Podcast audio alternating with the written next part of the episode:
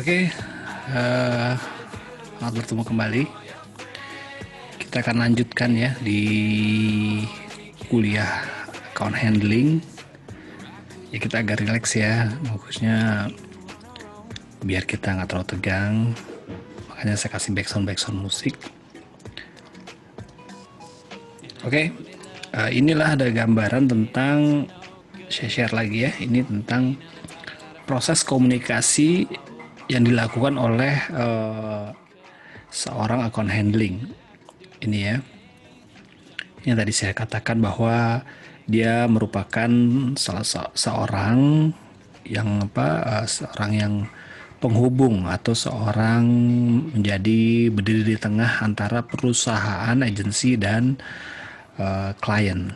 Jadi dia ada penghubung dari perusahaan agensi memberikan uh, semacam strategi dan kemudian strategi ini dikomunikasikan oleh klien. Lalu klien mempunyai masalah misalnya. Nah masalah ini nanti dipecahkan oleh uh, account handling kalau bisa hari itu dipecahkan atau kalau misalnya kompleks misalnya masalahnya akan dibawa ke tim di agensi itu tim kreatif gitu biasanya. Oke, kemudian uh, inilah gambarannya ya. Jadi dia berdiri di tengah-tengah antara klien dan perusahaan. Jadi dia tidak bisa uh, berat ke klien gitu kan sehingga apa uh, terlalu memihak ke klien atau terlalu memihak ke agensi. Jadi dia benar-benar berdiri mewakili agensi juga mewakili customer dalam uh, konteks pekerjaan uh, di satu di satu bidang ya. Misalnya dari klien memberikan brief untuk strategi kreatif sedemikian rupa gitu kan. Lalu dikomunikasikan oleh tim di agensi tim kreatif. Nah si account handling inilah nanti akan memandu sesuai dengan keinginan klien. Jadi dia mewakili klien di perusahaan agensi itu. Begitu sebaliknya. Nah itu begitu. Sangat unik ya sebenarnya eh, fungsinya dari si account handling ini. Nah ini ya apa namanya eh, Nah ini apa namanya uh, posisi account handling dalam sebuah perusahaan uh, agency industri periklanan. Ya Anda bisa lihat di sini dia ada di account department posisinya. Nah account department itu pekerjaannya ya seperti tadi disampaikan membuat apa proposal, uh, mem, apa mengelola account, kemudian apa menjadi penghubung sebagai apa mengelola administrasi keuangan si klien dan lain-lain. Nah, ini tugasnya nih. Jadi kita nanti bicaranya hanya seputar ini. Nah, di sini pun dalamannya sebenarnya banyak sekali ya, yang terkait nanti ke kreatif, ke media departemen dan lain-lain juga ke account departemennya sendiri aja udah banyak nanti. Ya. Oke, berikutnya, nah inilah struktur di biro iklan. Jika nanti Anda masuk ke dunia periklanan, kurang lebih seperti ini ya. Nanti kalau biro iklan digital akan berbeda lagi ya. Mungkin apa uh, posisinya akan berbeda nih. Kreatif director tetap tapi dia digital nanti kan. Jadi ini ada nanti ada namanya apa? spesialis, digital spesialis, ada yang namanya uh, apa namanya? social media marketing, ada yang uh, apa uh, copywriting digital, ada uh, sosial media spesialis dan lain-lain. Jadi ada fotografer, ada jadi ini nanti sebenarnya fungsinya sama tapi nanti di era digital atau biro iklan digital atau digital apa uh, apa namanya agency nanti ini akan berubah ini. Jadi sesuai dengan ininya ya, sesuai dengan perkembangan zamannya walaupun nanti uh, fungsi atau pekerjaannya tidak jauh berbeda tapi memang jadi menjadi apa bagian-bagian yang memang udah spesialis ke digital.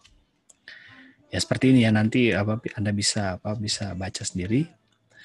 Nah, inilah jadi account handling ini nanti menjalin komunikasi, membuat proposal. Nah, ini tugas-tugasnya nih job desk-nya nih yang akan nanti menjadi bagian dari pekerjaan Anda atau nanti bagian dari uh, diskusi yang akan diterlakukan atau pelajaran yang akan diterlakukan dalam hal memahami si account handling. Jadi di sini kita coba memahami ya account handling itu apa, kemudian pekerjaannya apa saja, sehingga kita bisa memahami, kita bisa apa, bisa tahu, kita bisa apa namanya, kalau bisa kita aplikasikan pekerjaan tersebut, nanti kita bikin simulasinya gitu kan. Karena di era digital, bagaimana sih account handling di era digital ini? Nanti kita coba update ya. Nah ini apa? Eh, kira-kira apa namanya uh, pemaparan sedikit tentang account handling. Nah ini ada yang berikutnya adalah ini ya sama ya di struktur organisasi ya. Dan Anda bisa lihat struktur organisasi dalam periklanan account handling sendiri ada struktur organisasinya sendiri dia nih. Account handling aja ada departemennya sendiri.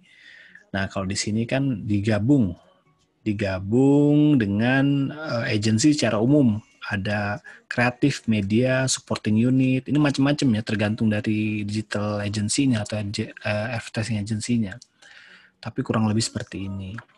Nah, kalau di uh, strukturnya sendiri, strukturnya si uh, dalemannya si account eksekutif ini, ini ada namanya kreatif, ada nanti account director, account eksekutif, account supervisor gitu kan.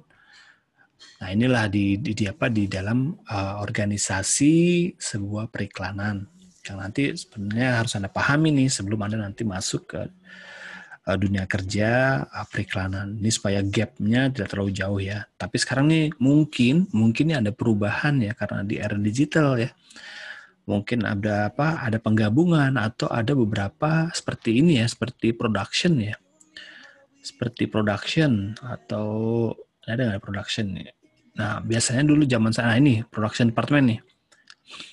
Di, di, di zaman dulu saya di periklanan ini masih ada untuk ke percetakan, dia untuk mengontrol percetakan, dia mengontrol apa namanya uh, distribusi, pengiriman, bernegosiasi dengan vendor-vendor, vendor-vendor vendor-vendor apa uh, produksi ya vendor-vendor produksi ya cetakan apa souvenir macam-macam lah gitu kan pengadaannya.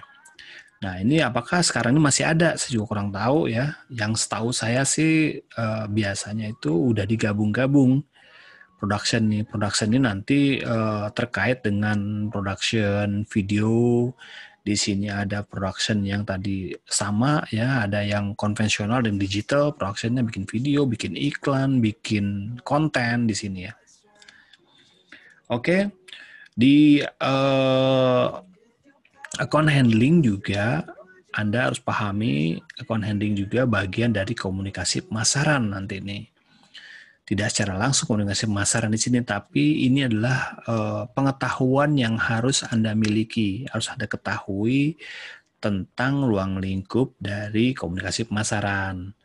Karena di situ ada promotion, ada personal selling, ada direct marketing, ada PR, ada advertising, ada marketing communication secara umum. Nah, inilah yang harus Anda ketahui sebagai orang account handling karena ini bisa jadi kelima ini fungsi-fungsi di marketing communication ini menjadi bagian dari strategi. Strategi dari solusi yang eh, cocok untuk si klien. Misalnya klien ini tidak jualan misalnya dia hanya ingin memperbaiki citra perusahaan. Biasanya perusahaan-perusahaan korporat ya perusahaan-perusahaan pertambangan, perusahaan-perusahaan minyak, perusahaan apa eh, perkebunan biasanya itu membutuhkan bukan promotion, promotion atau direct marketing. Dia lebih ke PR dan publicity. Nah, inilah menjadi bagian dari pengetahuan yang harus dimiliki oleh si account handling. Jadi dia tahu menempatkan strategi yang tepat untuk si perusahaan itu. Ya. Jadi ini bagian dari uh, strateginya. Nah, kemudian inilah adalah uh, proses komunikasi pemasaran. Ini nanti tidak jauh dari ini ya, komunikasi pemasaran yang akan menjadi bagian terpenting dari pekerjaan uh, periklanan. Jadi seorang account handling nih harus tahu seperti apa sih model komunikasi yang yang terjadi dalam komunikasi pemasaran. Ini ada apa sumber, ini perusahaan ini perusahaan ya, kliennya ini Lalu klien ini menghubungi agensi. Jadi melalui agensi ini si klien membuat sebuah program, membuat sebuah apa strategi, iklan, promosi dan lain-lain. Ditransmisikan atau di di apa dibuat apa di mau menggunakan channelnya apa? Channelnya pilihan channelnya apa? Radio, surat kabar, brosur dan majalah. Ini masih yang lama ya. Sekarang ini lebih banyak ke apa eh, internet apa eh, marketing. Nanti di decoding respon penerimanya seperti apa decodingnya. Mungkin kalau misalnya produknya itu produk yang apa masif ya, produk masif, kemudian produknya itu untuk menengah ke bawah mungkin radio dan TV, koran dan brosur juga masih efektif mungkin ya. Sehingga di decodingnya ini jadi apa mentransmisikan pesannya itu mudah oleh orang yang tepat gitu ya. Paham ya jadi ya. Misalnya ketika pakai TV, diresponnya itu pas sesuai dengan keinginan dari si perusahaan atau klien. Sehingga perilaku yang diharapkan itu sesuai dengan si perusahaan ini.